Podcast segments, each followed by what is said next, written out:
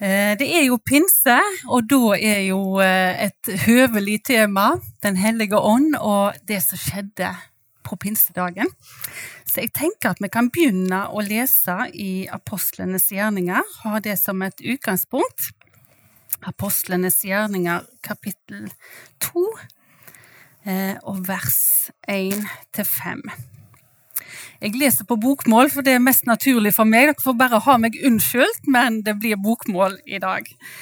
Eh, da pinsedagen var kommet, var de alle samlet på samme sted med samstemt sinn. Og plutselig kom det en lyd fra himmelen, som av en stormende mektig vind, og den fylte hele huset der de satt.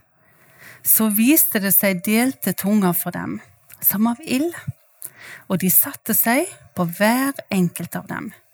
Og de ble alle fulgt med Den hellige ånd og begynte å tale i andre tunger, alt etter som Ånden gav dem å tale. Denne hendelsen har vi jo de aller fleste av oss hørt om, og det er jo det som, som Bjarne var inne på, det regnes som den kristne menighet sin fødselsdag. Og mange tror jo òg at kanskje dette var menneskets første møte med Den hellige ånd. Og Guds nærvær. Jeg har lyst til at vi skal gå litt tilbake i tid og se litt på dette med Den hellige ånd.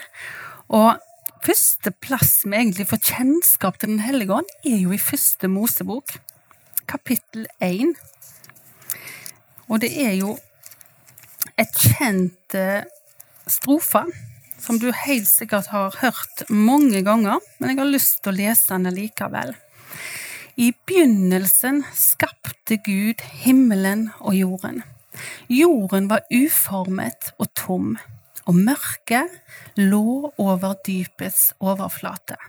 Og Guds ånd svevde over vannflatene. Så allerede der var Den hellige ånd til stede. Eh, og Guds ånd den viser seg på ulikt vis. Eh, neste gang vi ser, så er det i andre Mosebok 3, vers 1, hvor Moses møter Den hellige ånd i form av en brennende busk. Eh, dette er jo en historie som vi har hørt om, men der har Moses, som vi kjenner historien til, han har jo vært i ørkenen og streifa i 40 år og var litt fortvila over hele situasjonen. Og så møter Gud han og gir han oppdraget ved at eh, han ser en busk som brenner, men ikke brenner opp. Altså Guds ild. Eh, og vi kan se det igjen i andre Mosebok 19, eh, vers 18. Og der kan vi lese Se litt der 19 Da har jo israelsfolket eh, blitt ført ut av Egypt, eh, og Moses har begynt på oppdraget sitt der. Eh, og så står det i vers 17 Moses førte folket ut av leiren for å møte Gud, og de stilte seg ved foten av fjellet, altså Sinai-fjellet. Sinai-fjellet var fullstendig dekket av røyk, for Herren steg ned på fjellet med ild, eller i ild. Eh, og det var den måten eh, israelsfolket møtte Gud, ofte med ild, i form av ei ildsøyle. Vi har òg lest om når Herren førte israelsfolket ut av Egypt, så var det ei røyksky foran dem, og på natta så var de ildstøtta, sånn at de var egentlig leder av Gud hele veien. Gud leder israelsfolket personlig med skya og med ilden. Eh, lenger framme i fjerde Mosebok Det er liksom fascinerende å, å lese om dette her. I kapittel 11 vers 15 Jeg rota litt her, men iallfall eh, Dette med personlig ledelse ved denne skya og denne ildstøtta. eh, så kan vi se at når israelsfolket skulle flytte seg For dette eh, ildsøyla, den det var akkurat en sånn flamme over tempelet til hver tid, og da var Guds synlige nærvær der. De så at det var her Gud ville de skulle være. Men da den letta og bevega seg, da visste israelsfolket at det var på tide å vandre igjen. Så de bevegde seg ikke uten at denne her ildtunga, eller det var jo en større flamme da, bevega seg. Da fulgte israelsfolket etter. Eh, og den kunne bli værende over eh, tabernaklet i to dager, tre dager, flere uker, alt ettersom. Men den var den personlige ledelsen til israelsfolket gjennom hele vandringen i ørkenen. Så allerede da så ser vi en personlig ledelse ved Guds ånd eh, til Moses. Og selv om han var lederen, så var det likevel Guds ånd som leder de, og hvert steg de skulle ta. Eh, en annen plass eh, som vi kan lese om at Guds ild kommer, er jo når Elia står opp imot alle disse Bals-profetene. Eh, det var nærmere 1000 Bals-profeter, falske profeter, som sto og tilkalte alle disse gudene som israelsfolket og, og de ulike hadde. Det var guder for det ene og det andre, og fruktbarhet og alt som var på en måte hadde de ulike guder for. Eh, og så reiser Elias seg og taler imot dette, at det er kun én Gud, den eneste sanne, levende Gud. Eh, og han handa jo opp i en litt sånn kamp da, mot disse her eh, falske profetene. Og så ble de enige om at de skulle sette opp alter. Og disse nærmere 1000 profetene da til kongen, de bygde et alter, og det var så fint og flott, og de ofra, og de holdt på med alt mulige greier. Eh, men Elia hadde jo sagt dette, da, at den som kommer ned med ild, den Gud er den sanne Gud. Men det kom ingen ild hos disse falske profetene. Og så ser vi jo da senere at Elia bygger et alter for Herren. Og så sier han dere må helle på vann. Mer vann og mer vann. Til slutt så var det å svære elv rundt dette her alteret som Elia bygde. Og så ser vi at Gud kommer med ild ifra himmelen og fortærer alt som lå på alteret, men òg hele alteret. Det var en mektig seier for å demonstrere at Israels Gud er den eneste sanne Gud. Så der òg svarer Gud med ild. Eh, et tegn på Guds merkbare nærvær. Så når vi ser at disiplene sitter på den øvre salen som vi leste i starten, så setter det seg tunger av ild på hver eneste en av dem. Så istedenfor at det er ei ildsøyle, som er felles for alle, så er plutselig denne ildsøyla delt i masse, masse små, eh, små flammer på hver enkelt av de troende. Så tidligere ser vi at Gud leder sitt folk med ei ildsøyle. Nå er ildsøyla splitta og jeg er gått over til å være på hver enkelt av dem så skal vi gå fram til Johannes 16 og se litt på hva Jesus sier rett før han forlater denne jord. Jeg kan lese ifra fem. Men nå går jeg, altså Jesus, bort til Han som har sendt meg, og ingen av dere spør meg, hvor går du? Men fordi jeg har sagt dere alt dette, har sorg fylt hjertet deres. Likevel sier jeg dere sannheten, for det er til det beste for dere at jeg går bort. For hvis ikke jeg går bort, kommer ikke talsmannen til dere. Men hvis jeg går bort, skal jeg sende han til dere. Og når han kommer, skal han overbevise verden om synd, om rettferdighet og om dom. Om synd fordi de ikke tror på meg. Om rettferdighet fordi jeg går til min far, og dere ikke ser meg lenger. Og om dom fordi denne verdens første er dømt.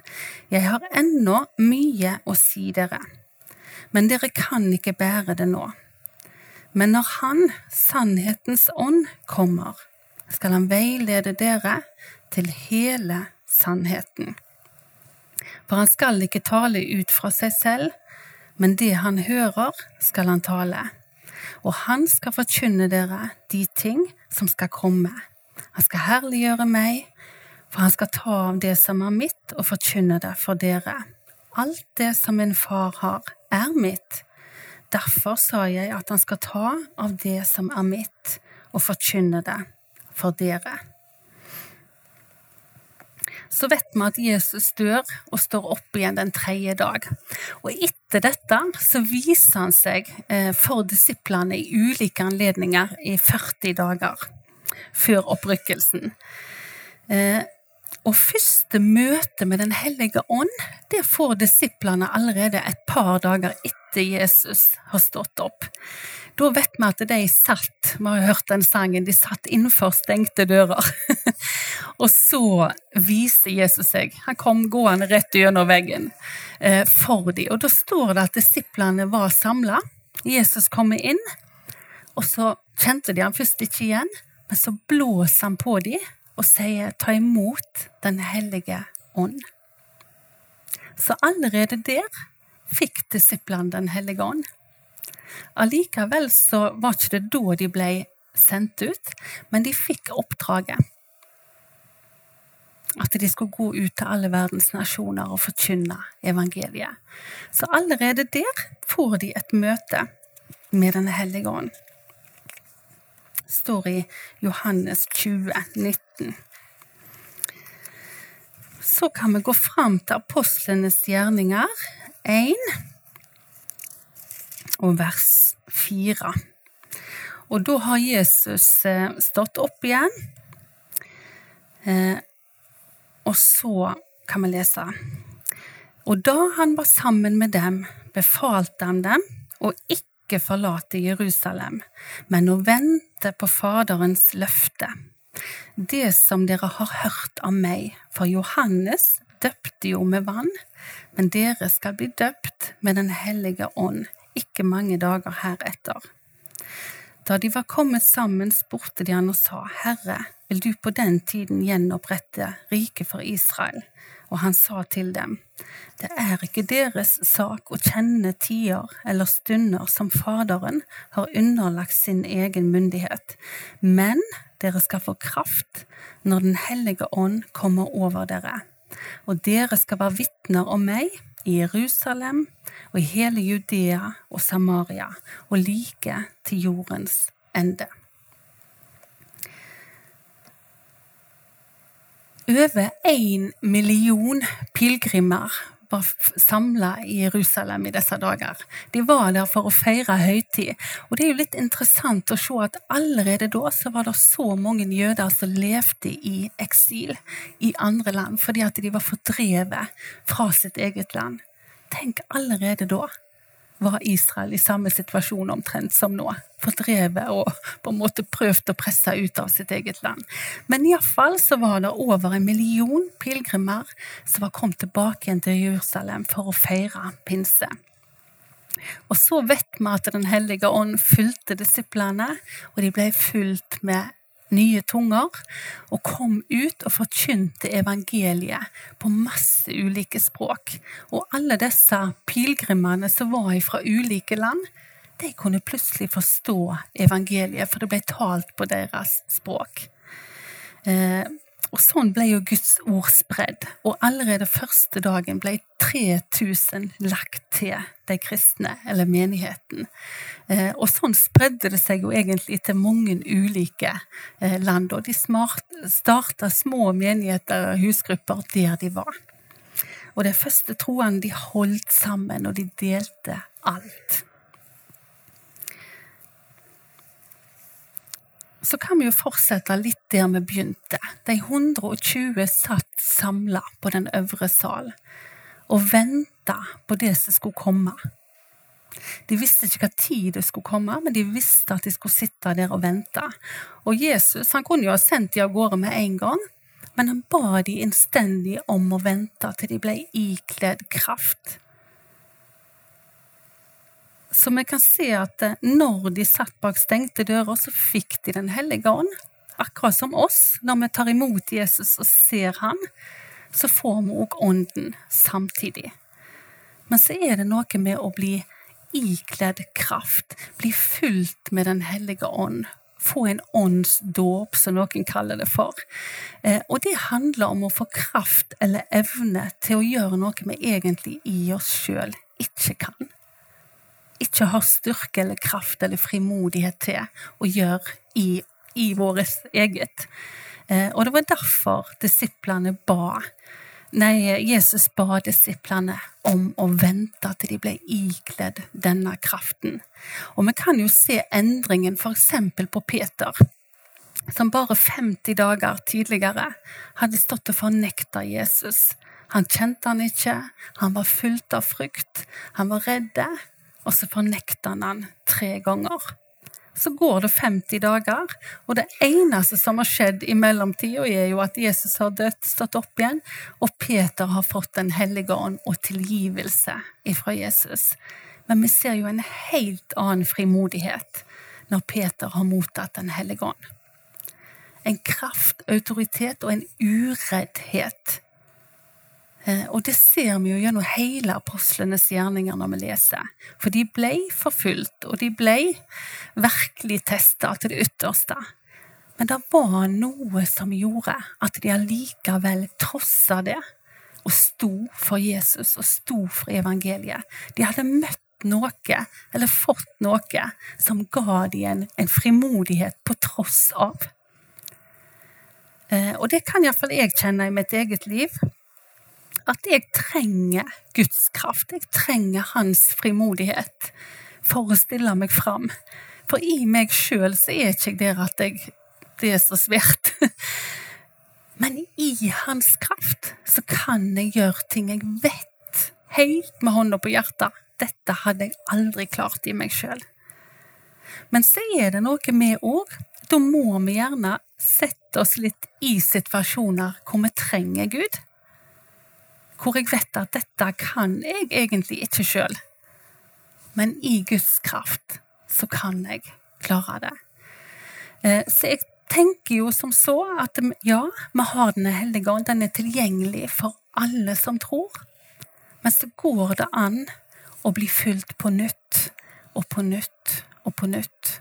Og jeg tror de gangene Jesus var alene på fjellet, søkte Gud i bønn, i gravhagen, når han ba, i ulike situasjoner hvor han trengte ekstra styrke, ekstra kraft, trengte å være med Gud. Da tror jeg òg han ble fulgt med Den hellige ånd, som gav han styrke, som gav han visdom han ikke hadde. Og så han sier til disiplene òg, det er best for dere at jeg går bort, for da får dere Den hellige ånd, som skal vise dere alle ting. Åpenbare Skriftene for dere. Han skal være deres rådgiver, deres hjelper. Han som styrker dere. Han som gir dere frimodighet, djervhet. Alle de tingene som Jesus var. Men han kunne ikke gå personlig med én og én. Disiplene var kjempeheldige som fikk gå tett på han. Men på grunn av Den hellige ånd så kan vi få lov å ha den ledelsen. For istedenfor at eh, ildsøyla er over tabernaklet, så er den over hvert eneste av oss som er troende sitt liv. Det er ikke et forheng lenger, og det er ikke en øverste press som må til for at vi kan få kontakt. Den kontakten er der. Det er åpent, det er ingenting som stenger for oss og Gud. Og ved Den hellige ånd så kan vi få lys når vi leser Bibelen. Vi kan få lys over ting som vi egentlig i oss sjøl vet at dette kan ikke jeg vite. Men Den hellige ånd kan gi oss innsikt. Så har vi jo lest om eksempel nådegavene. Ulike utrustning som vi kan få gjennom Den hellige ånds gjerning i vårt liv. Og det er ulike oppgaver til hver enkelt av oss. Det står at vi er lemmer på hans kropp. Jesus er hodet, og vi har ulike funksjoner på denne kroppen. Ene foten og ene kne, og, og vi bestemmer ikke hva oppgave Gud ga for oss, Men jeg tenker det er viktig at vi tar imot den oppgaven han har for oss. Og så ser ikke Gud på oss menneskene sånn som gjerne vi ser på hverandre. Han ser til hjertet og villigheten til å bøye oss for han. Til å si at 'Jesus, her er mitt liv, jeg ønsker å gå for deg'. koste hva det koste vil. Og noen ganger så kjenner vi på at det koster. Og jeg tror nok i de tidene vi lever i, så vil vi kjenne på at det koster mer og mer å være en kristen, og være en tydelig kristen som heiser flagget til topps og bekjenner Jesus, akkurat som Elia. Det var gjerne tusen nærmere tusen imot han. Og mange ganger så kan vi kjenne det sånt òg. At vi står litt alene som troende. Og vi kan kjenne på at det er kamp på det kristne budskapet. For det faller ikke alltid i god jord. Det er litt sånn motstrøms, eh, det budskapet vi har. Og hvis ikke du kjenner omsorgen og kjærligheten som Jesus har for oss, så forstår vi ikke alltid budene hans og reglene hans som er til vårt eget beste. Men hvis du har fått smakt og kjent at Gud er god, så vil du villig følge det han sier for ditt liv, de rammene han gir. For det er det beste, og han vil oss alt godt. Men han vil òg at vi skal få oppleve disse seierne som handler om å gå i lag med han i ting som jeg vet i meg sjøl at ja, ja, Jesus, dette var deg, men jeg var med. Eh, for det er noe med å få, få oppleve Guds kraft gjennom ditt liv. Og så tenker vi gjerne mange ganger at det skal se så enormt ut, men jeg tror det handler om enkle, små ting hvis vi regner med Gud. Det å møte blikket til en nabo som har det tøft be om Guds ledelse hver eneste dag.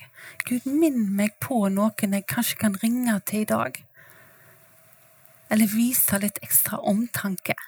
Det er ikke de der voldsomme tinga ofte som vi tenker, men det kan være små handlinger i hverdagen som gjør at vi kan få vise hvem Jesus er. Og så tror jeg etter hvert som vi lærer å kjenne Jesus' sin stemme, for den til hver gang vi lytter etter den, til bedre lærer man å kjenne. Eh, så gir han oss større og større ting. Det som er tro over lite, vil jeg sette over større. Han begynner aldri med de der eksplosive handlingene, selv om vi kan se noen eksempel på det òg. Men jeg tror jo dette med at Gud trener oss opp til å høre hans røst, og til å bli trygg i den, og trygg i Han. Hvis ikke vi er trygge i at Gud vil oss alt godt og har det beste for oss, så tror jeg vi blir utrygge i hele vår vandring med hans. Identiteten vår, at jeg er et elska barn av Gud. Jeg er datteren hans, eller jeg er sønnen hans. Eh, og så skal det bli spennende å se hva han har for meg i dag. Være litt på utkikk etter de skattene Gud har, som vi skal få plukke hver eneste dag. Det står at vi skal få gå i ferdiglagte gjerninger som han på forhånd har laga ferdig, for at vi skulle ploppe oppi de. Men da må vi mange ganger være eh, på utkikk, ha forventning. Eh, kanskje be over det. Be over den naboen du kjenner at hjertet dunker litt ekstra når du ser. Og så kaller han oss gjerne en dag til å ta det der steget utenfor komfortsonen som vi kjenner koster litt. Men det er den dagen du trenger Den hellige åndskraft. kraft. Vi trenger jo ikke Den hellige ånds kraft for å sitte hjemme og se på TV. Vi trenger Den hellige ånds kraft for å gå i de ferdiglagte gjerningene. De som vi ikke klarer i egen styrke. Vi ser at det i hele apostlenes gjerninger så tar disiplene sine avgjørelser eh, ved Den hellige ånds ledelse. Før så sto det at de kasta lodd. For ja, de gjorde det jo faktisk på den øvre salen. Når de skulle se hvem som skulle ta plassen til Judas, så kasta de lodd. Men det er den siste plassen vi ser at de kaster lodd. Etter Den hellige ånd så spør de alltid Den hellige ånd om ledelse. I alle ting. Det er litt stilig.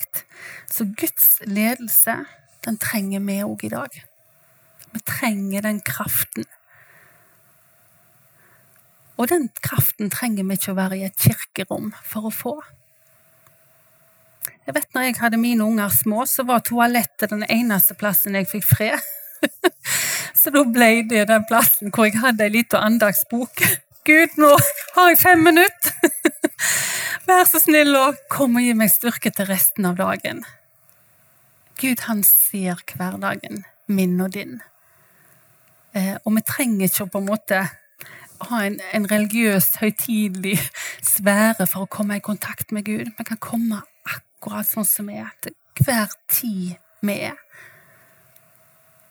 Guds øyne farer over hele jorda, står det, for å kraftig støtte den som har sitt hjerte helt med ham. Da kan vi vite at vi har hans kraftige støtte hvis vi har vårt hjerte helt med han.